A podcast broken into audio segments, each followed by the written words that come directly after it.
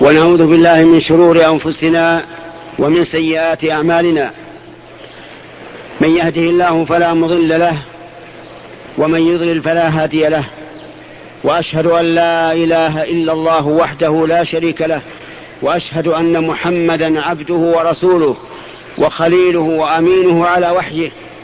أرسله الله تعالى بالهدى ودين الحق فبلغ الرسالة وأدى الأمانة. ونصح الأمة وجاهد في الله حق جهاده. فصلوات الله وسلامه عليه وعلى آله وأصحابه ومن تبعهم بإحسان إلى يوم الدين. وأسأل الله سبحانه وتعالى أن يجعلني وإياكم من أتباعه ظاهرا وباطنا وأن يحشرنا في زمرته وأن يسقينا من حوضه وأن يدخلنا في شفاعته وأن يجمعنا به في جنات النعيم. مع النبيين والصديقين والشهداء والصالحين. إنه على كل شيء قدير. أيها الإخوة في هذه الليلة ليلة الجمعة الثالث والعشرين من شهر ربيع الثاني عام سبعة عشر وأربعمائة وألف يسرنا أن نلتقي بإخواننا هنا في المسجد النبوي الشريف. ونسأل الله تعالى أن يجعله لقاء نافعا لنا ولكم. وكما هي عادتنا في مثل هذه اللقاءات المباركة هنا وفي المسجد الحرام أن نتكلم أولا على ما قرأه إمامنا في صلاة المغرب. حيث إيش؟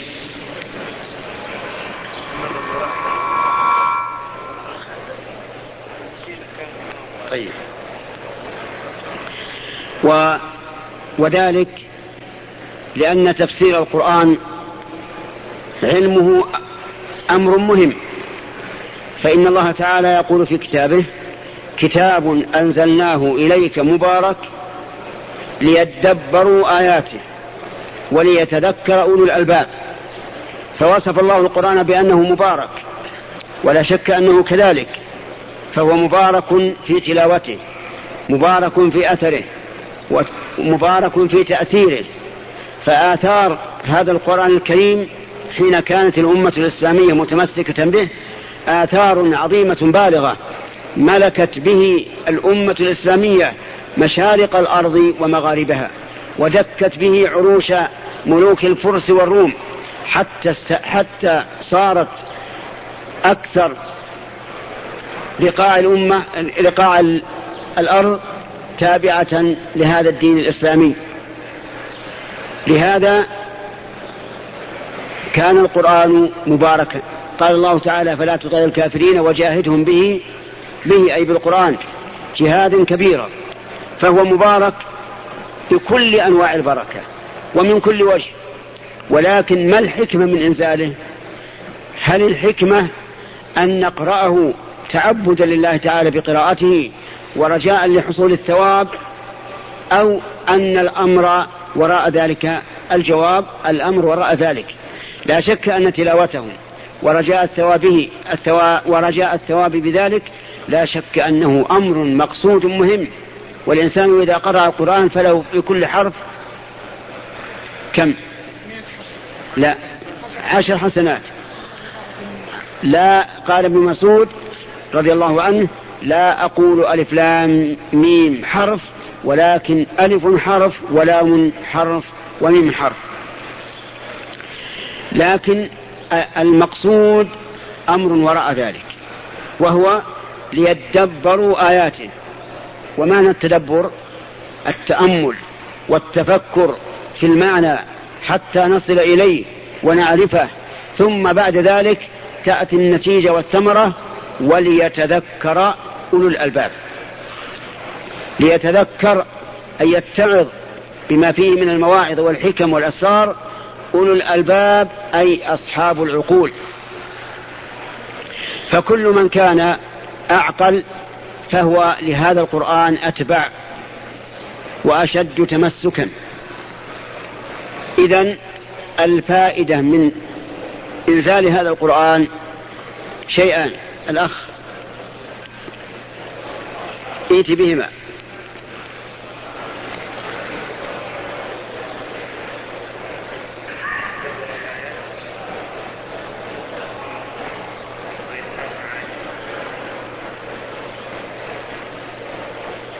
هذين شيئان أو شيء واحد؟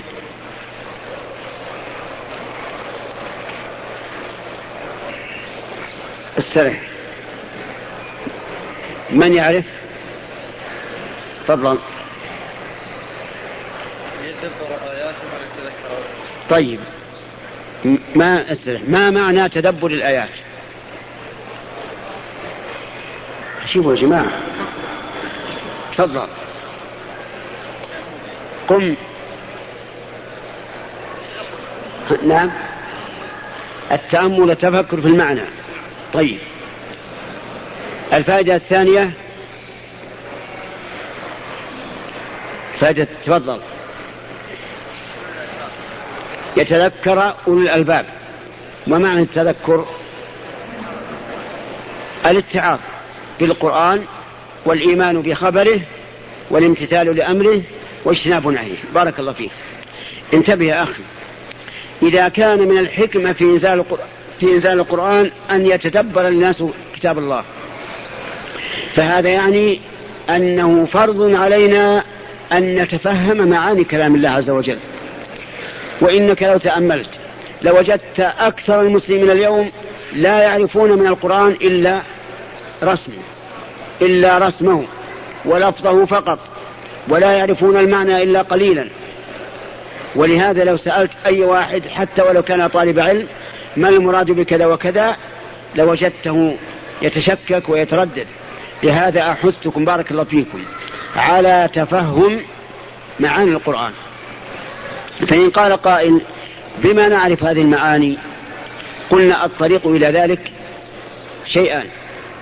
الشيء الأول تلقي المعاني من أفواه العلماء لكن العلماء الموثوق بهم. وليس كل من قال إنه عالم يتلقى قوله. لأن من العلماء من ليسوا بعلماء أو من العلماء من, ليس من ليسوا بأمناء لكن العالم حقيقة هو الذي لديه العلم والأمانة. إن خير من استأجرت من؟ القوي الأمين. الطريق الثاني أن نقرأ ما كتب في تفسير القرآن. ولكن أي كتاب نقرأه؟ هل كل ما فسر به القرآن نقرأه؟ لا. لأن المفسرين رحمهم الله على أنحاء شتى متفرقة. لابد أن نطالع كتب التفسير من من مؤلفين موثوقين في علمهم وأمانتهم. مثل تفسير ابن كثير رحمه الله تفسير ابن سعدي تفسير صاحب هذا الكرسي أبي بكر الجزائري وغيرهم ممن يوثق بعلمهم وأمانتهم. ثم هناك شيء آخر. أوصي به طلبة العلم خاصة وهو أن يتأمل الإنسان كلام الله بنفسه أولا. فإذا تولد عنده شيء من المعنى فليرجع إلى كتب التفسير حتى لا يضل. وإنما قلت ذلك من أجل أن يتمرن هو بنفسه على معرفة إيش؟ معاني كتاب الله. ولا, ولا يكون معه. يقرأ فقط ويحفظ بل لا بد أن يفهم. لذلك أحث طلبة العلم بالذات على أن يتأمل الإنسان معنى الآية أولا. ثم بعد ذلك إذا إذا تكون عنده معنى يرجع إلى كلام العلماء حتى لا يضل. لأن الإنسان ربما يضل ربما يفهم الآية على غير معناها. لا سيما من ليس عنده مران ومتابعة لمعاني القرآن. لهذا أخترت أن أبدأ جلساتي هذه بتفسير ما قرأه إمامنا في صلاة في الصلاة التي يتلوها هذا اللقاء. وكنت أريد أن أتكلم على السورة الأولى السماء والطارق لكن قال لي بعض الإخوة إننا قد تكلمنا عنها, عنها سابقا. وحينئذ نكتفي بما سبق. نكتفي بما سبق. ولكن نناقش فيما, فيما قلنا أولا. لأن لأن كوننا قرأنا ذلك ولا ندري هل بقيت في أفهام الناس أو لا لا يكفي. فالآن نناقش فيما سبق. أولا والسماء والطارق هذه الصيغة إيش هي؟ الأخ. صيغة قسم. أقسم الله بإيش؟ والسماء والطارق. أقسم بشيئين ولا واحد؟ بشيئين. بارك الله فيك. سؤال. السماء مخلوق والطارق مخلوق فكيف جاز القسم بالمخلوق؟ تفضل. نعم أحسنت. بارك الله فيك. للخالق أن يقسم بما شاء من خلقه أو من آياته أو من أسمائه أو من صفاته. أما نحن فليس لنا أن نقسم إلا بالله عز وجل. قال النبي صلى الله عليه وعلى آله وسلم من كان حالفا فليحلف بالله أو ليصمت. طيب. في هذه الآية أو في هذه السورة قاعدة من قواعد التفسير وهي أنه يرجع في التفسير أولا إلى كلام الله بمعنى أن نفسر القرآن أولا بالقرآن. من أين يؤخذ؟ تفضل.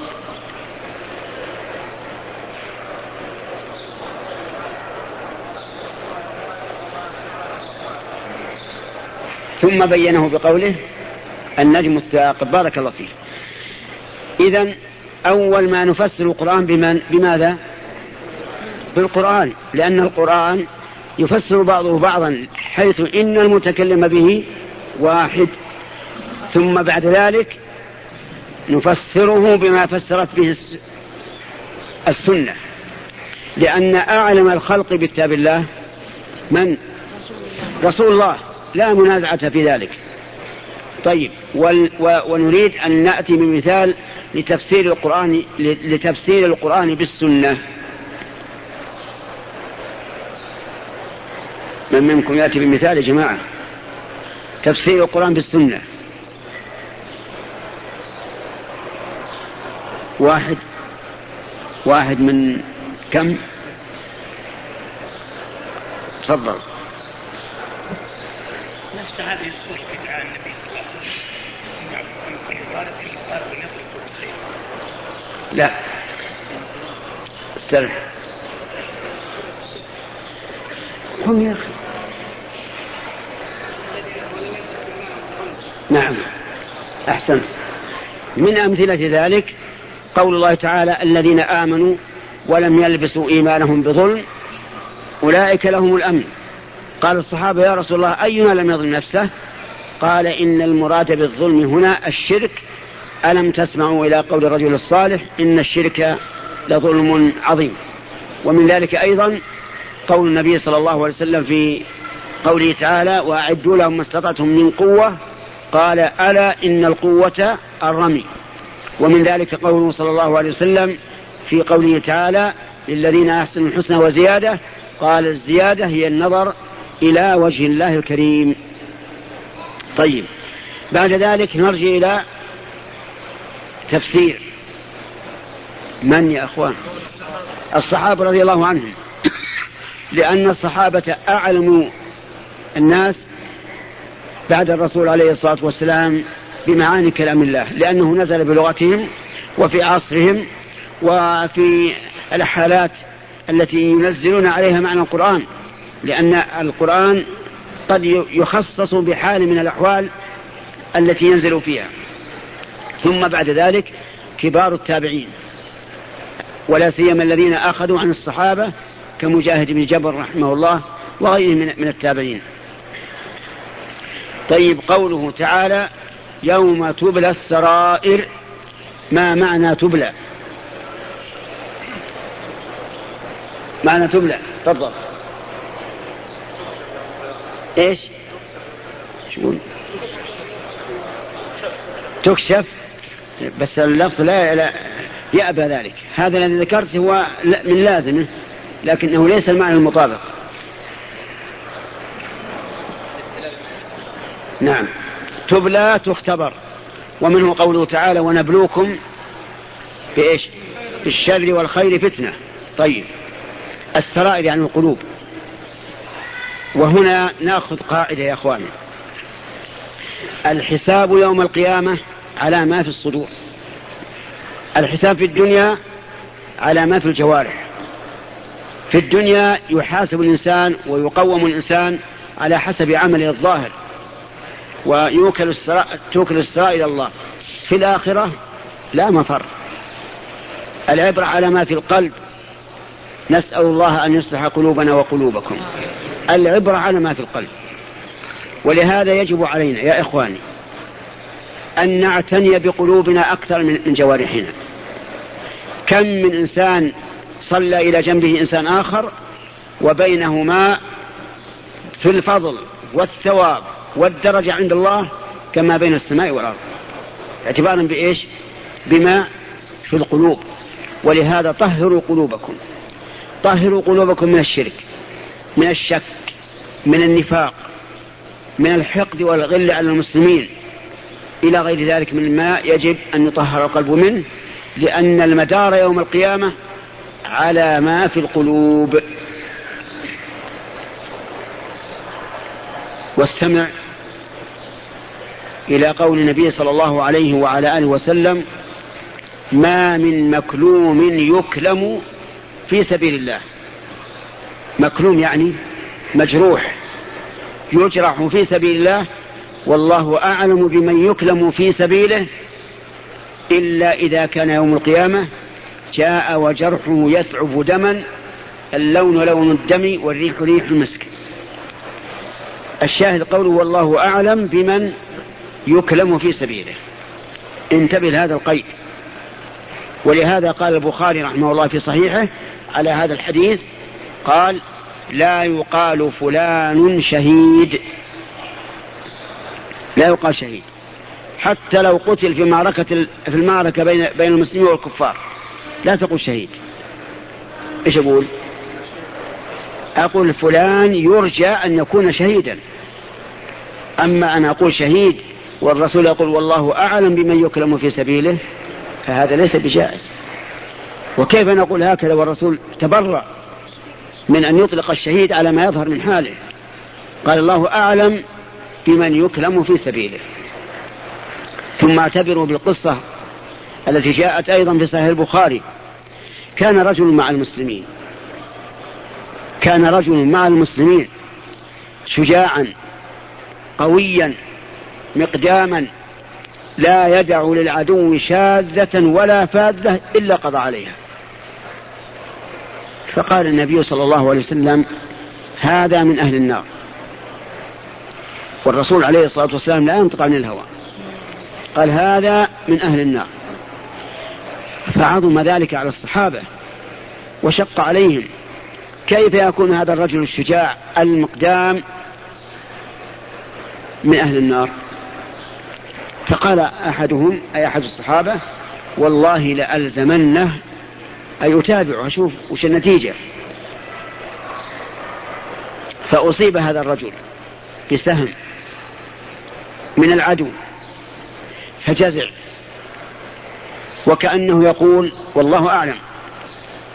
كيف يصيبني السهم وأنا ذلك الرجل الشجاع المقدام فجزع فسل سيفه واتكأ عليه من عند الصدر حتى طلع من ظهره. إيش النتيجة؟ قتل نفسه والعياذ بالله. فجاء الرجل الذي كان ملازما له وقال للنبي عليه الصلاة والسلام أشهد أن لا إله إلا الله وأنك رسول الله. قال بما؟ إيش السبب هذا؟ قال إن الرجل الذي قلت فيه إنه من أهل النار فعل كيت وكيت. ثم قال النبي صلى الله عليه وسلم إن الرجل انتبه أخ إن الرجل ليعمل بعمل أهل الجنة فيما يبدو للناس وهو من أهل النار. أجارنا الله وإياكم من ذلك. اللهم أصلح قلوبنا. المسألة الصعبة. القلوب لا بد من تطهيرها قبل كل شيء. ثم إذا صلح القلب وطهر فالجوارح إيش تبع له لقول النبي صلى الله عليه وسلم ألا وإن في الجسد مضغة إذا صلحت صلح الجسد كله وإذا فسدت فسد الجسد كله ألا وهي القلب. اللهم أصلح قلوبنا. طيب. والسماء ذات الرجع والأرض ذات الصدع. من يفرق لي بين الرجع والصدع؟ ما شاء الله. الله واحد. الآن ما, ما لا أرى إلا واحد والثاني نصف. ونصف تفضل. نعم. تشقق.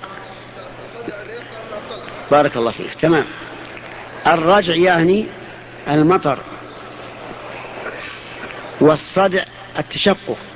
إذا أمطرت السماء على الأرض ونبتت عندما يكون أول النبات إيش يكون؟ تنشق الأرض عن النبات. فأقسم الله بالرجع بالسماء ذات الرجع وبالأرض ذات الصدع. لأن كل أحد ينظر إلى الأرض الميتة. ليس فيها خضراء تمطرها السماء فتشقق بالنبات. يحيي الله الأرض بعد موتها. أيضا الإنسان سوف يموت ويدفن وتأكله الأرض إلا من شاء الله ثم يخرج منها. فالقادر على إخراج هذه الحبة اليابسة من باطن الأرض قادر على أن يحيي الإنسان بعد موته. قال الله عز وجل ومن آياته أنك ترى الأرض خاشعة يعني هامدة ليس فيها خضراء فإذا أنزلنا عليها الماء اهتزت وربت. إن الذي أحياها لمحيي الموتى إنه على كل شيء قدير. والله إن لنا لموعدا نحشر فيه إلى الله عز وجل. حفاة عراة غرلا لا مال ولا ولد ولا زوجة ولا قريب ولا نسيب. بل الواحد منا يفر من أخيه وأمه وأبيه وصاحبته وبنيه لكل امرئ منهم يومئذ شأن يغنيه. أسأل الله أن يجعلني وإياكم في ذلك اليوم من السعداء. إنه على كل شيء قدير. طيب. إنهم يكيدون كيدا وأكيد كيدا. من الذي يكيد ولمن يكيدون؟ إنهم يكيدون كيدا. نعم. الكفار. يكيدون لمن؟ للرسول صلى الله عليه وسلم. اذكر لي مسألة من كيدهم.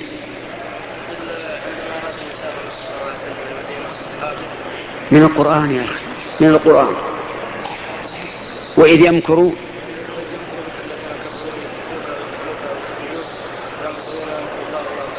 أحسنت. بارك الله فيك. وأكيد كيدا كيدا يعني أعظم من كيدهم. كما قال تعالى ويمكرون ويمكر الله والله خير الماكرين. يمكرون ويمكر الله والله خير الماكرين. وما أكثر مكر الله بمن يمكر به. مكر بفرعون. حين حشر المدائن. يريد يريد بذلك القضاء على من؟ على موسى وقومه.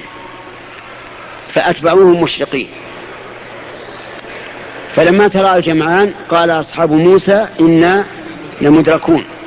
يعني على كل حال هالكون لأن البحر أمامهم وفرعون عدوهم خلفهم. أين يذهبون؟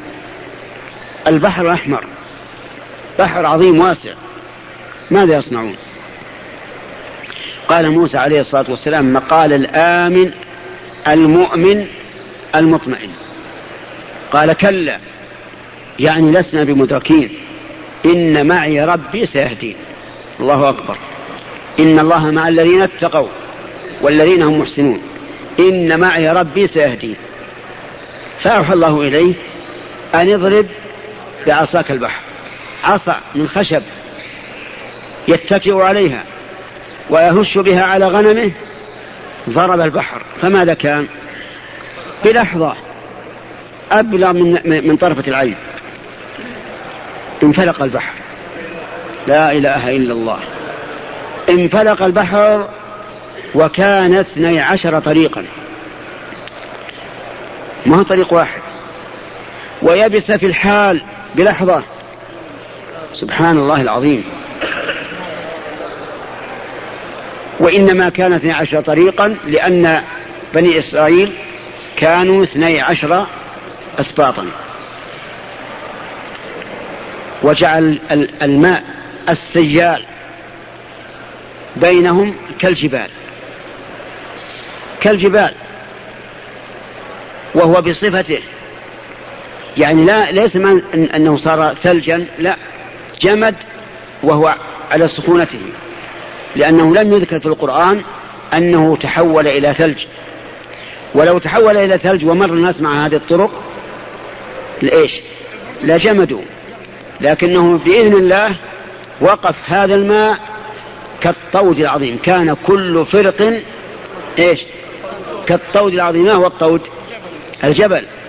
وقيل إنه كان مع في هذه الأطواد ثقوب. ثقوب يعني فرجا ينظر الناس بعضهم إلى بعض حتى يطمئنوا على نجاة إخوانهم. والله على كل شيء قدير. فاضرب لهم طريقا في البحر إيش؟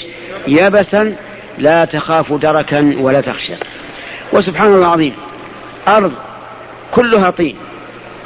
مضى عليها ما لا يعلمه إلا الله من السنوات والماء فوقها ومع ذلك في لحظة صارت يبسا وفي لحظة تمزق هذا الماء وصار كل فرق كالطود العظيم. مما يدل على إيش؟ على أن الأمر بيد الله عز وجل وأنه على كل شيء قدير وأنه إذا أراد شيئا قال له كن فيكون. أين علماء الطبيعة؟ هل يمكن للطبيعة أن تفعل هذا؟ لا والله. وإبراهيم عليه الصلاة والسلام أوقد له المكذبون له أوقدوا له نارا عظيمة. ثم ألقوه في الجحيم. ويقال إنهم رموه بالمنجنيق على النار لأنها تحرق من قرب حولها لشدتها وكثرتها وعظمتها. فرموه بالمنجنيق على النار. وماذا قال الله للنار؟ قال الله عز وجل يا نار كوني بردا وسلاما على إبراهيم. هذه النار المحرقة صارت بردا لكنه ليس البرد القارس الذي يقتل حيث قال وسلاما. قال العلماء لو قال بردا بدون أن يقول سلاما لكانت تهلكه. لكن الله قال جل وعلا كوني بردا وسلاما على إبراهيم. فكانت بردا وسلاما عليه. أقول يا إخواني إن الله تعالى على كل شيء قدير قادر على قلب الأشياء وتغيير طبائعها لأنه هو الخالق وحده سبحانه وتعالى. طيب آه، أقول فرعون كاد لموسى ورأى أنه قد ظفر به حيث وصل إلى نقطة الصفر إلى غاية لابد على حسب فهم موسى على حسب فهم, فهم فرعون لابد أن يهلك. حتى الذين آمنوا مع موسى وش قالوا؟ إنا لمدركون فظن الخبيث أنه تمكن من موسى وقومه. خرج موسى وقومه من البحر سالمين. ودخل فرعون وقومه على أنهم سوف يدركون موسى. فلما تكامل موسى وقومه خارجين وفرعون وقومه داخلين أمر الله البحر أن يعود على ما هو عليه فانطبق عليهم. الله أكبر. وماذا كان؟ كانوا في قعار البحار. هلكوا عن آخرهم. وفرعون الذي كان يفتخر بالماء أولا حيث قال لقومه قبل. قال لقومه أليس لي ملك مصر؟ وه وهذه الأنهار تجري من تحتي أفلا تبصرون؟ افتخر بأنه بأن له ملك مصر ومن الذي خلفه عليه؟ من؟ بنو إسرائيل الذين كانوا بالأمس يذبحوا أبناءهم ويستحيي نساءهم. وافتخر بالأنهار التي تجري من تحته وما الذي هلك به؟ الماء. الذي كان يفتخر به بالأمس واستكبر على آل على قوم موسى وبالتالي صار تابعا لهم. لما أدركه الغرق قال آمنت أنه لا إله إلا الذي آمنت به بنو إسرائيل. سبحان الله. كان بالأول يقتل بني إسرائيل على الإيمان. أما الآن فأذعن وذل وقال آمنت بالذي آمنت به بنو إسرائيل لم يقل آمنت بالله. ذلا والعياذ بالله وخزيا أن هؤلاء القوم الذين كان بالأمس يقتلهم ويذبحهم صار الآن إيش؟ تابعا لهم. آمنت بالذي آمنت به بنو إسرائيل وأنا من المسلمين. ماذا قيل له؟ الآن الآن تؤمن بما آمنت به بنو إسرائيل الآن تكون من المسلمين وقد عصيت قبل وكنت من المفسدين فاليوم ننجيك ببدنك بالبدن لا بالروح. الروح راحت مع الأرواح. من الغرق إلى الحرق والعياذ بالله. النار يعرضون عليها غدوا وعشيا ويوم تقوم الساعة أدخلوا آل فرعون أشد العذاب. لكن نجاه الله ببدنه. ليش؟ ليكون آية وعلامة على أن فرعون الذي كان قد أرعب بني إسرائيل قد مات. لأنكم تعلمون أنه بلغ من رعب بني إسرائيل من هذا الرجل الكافر العنيد مبلغا عظيما. قد لا يصدقون بأنه غرق قد يقول الشيطان لهم إنه لم يغرق إنه نجا أنجته الأمواج إلى ساحل البحر مثلا. فإذا شاهدوا بأعينهم حينئذ إيش؟ يطمئنون. يطمئنون.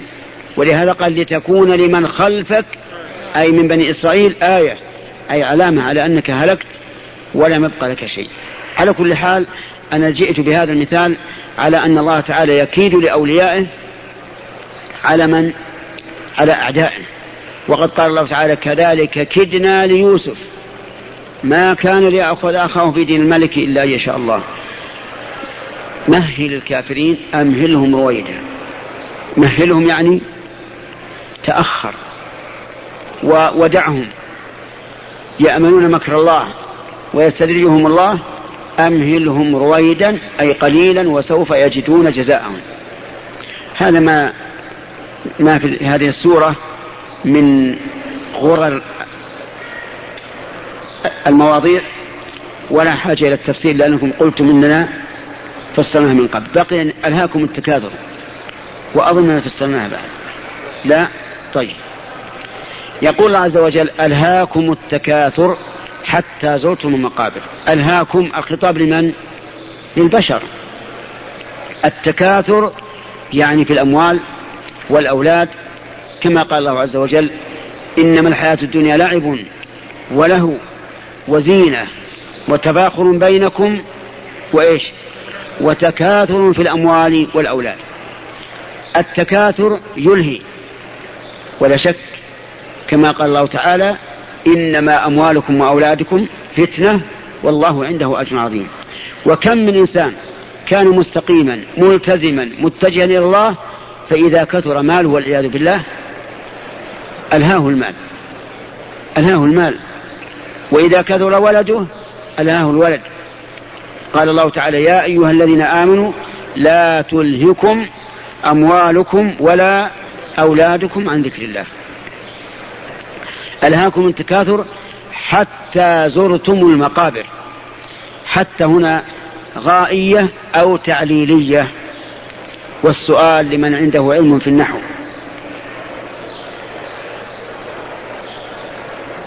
غائية أو تعليلية. ما عندي أحد. آمنت بالله. هذه غائية. يعني تقولها عن علم؟ تقولها عن علم؟ طيب ما الفرق؟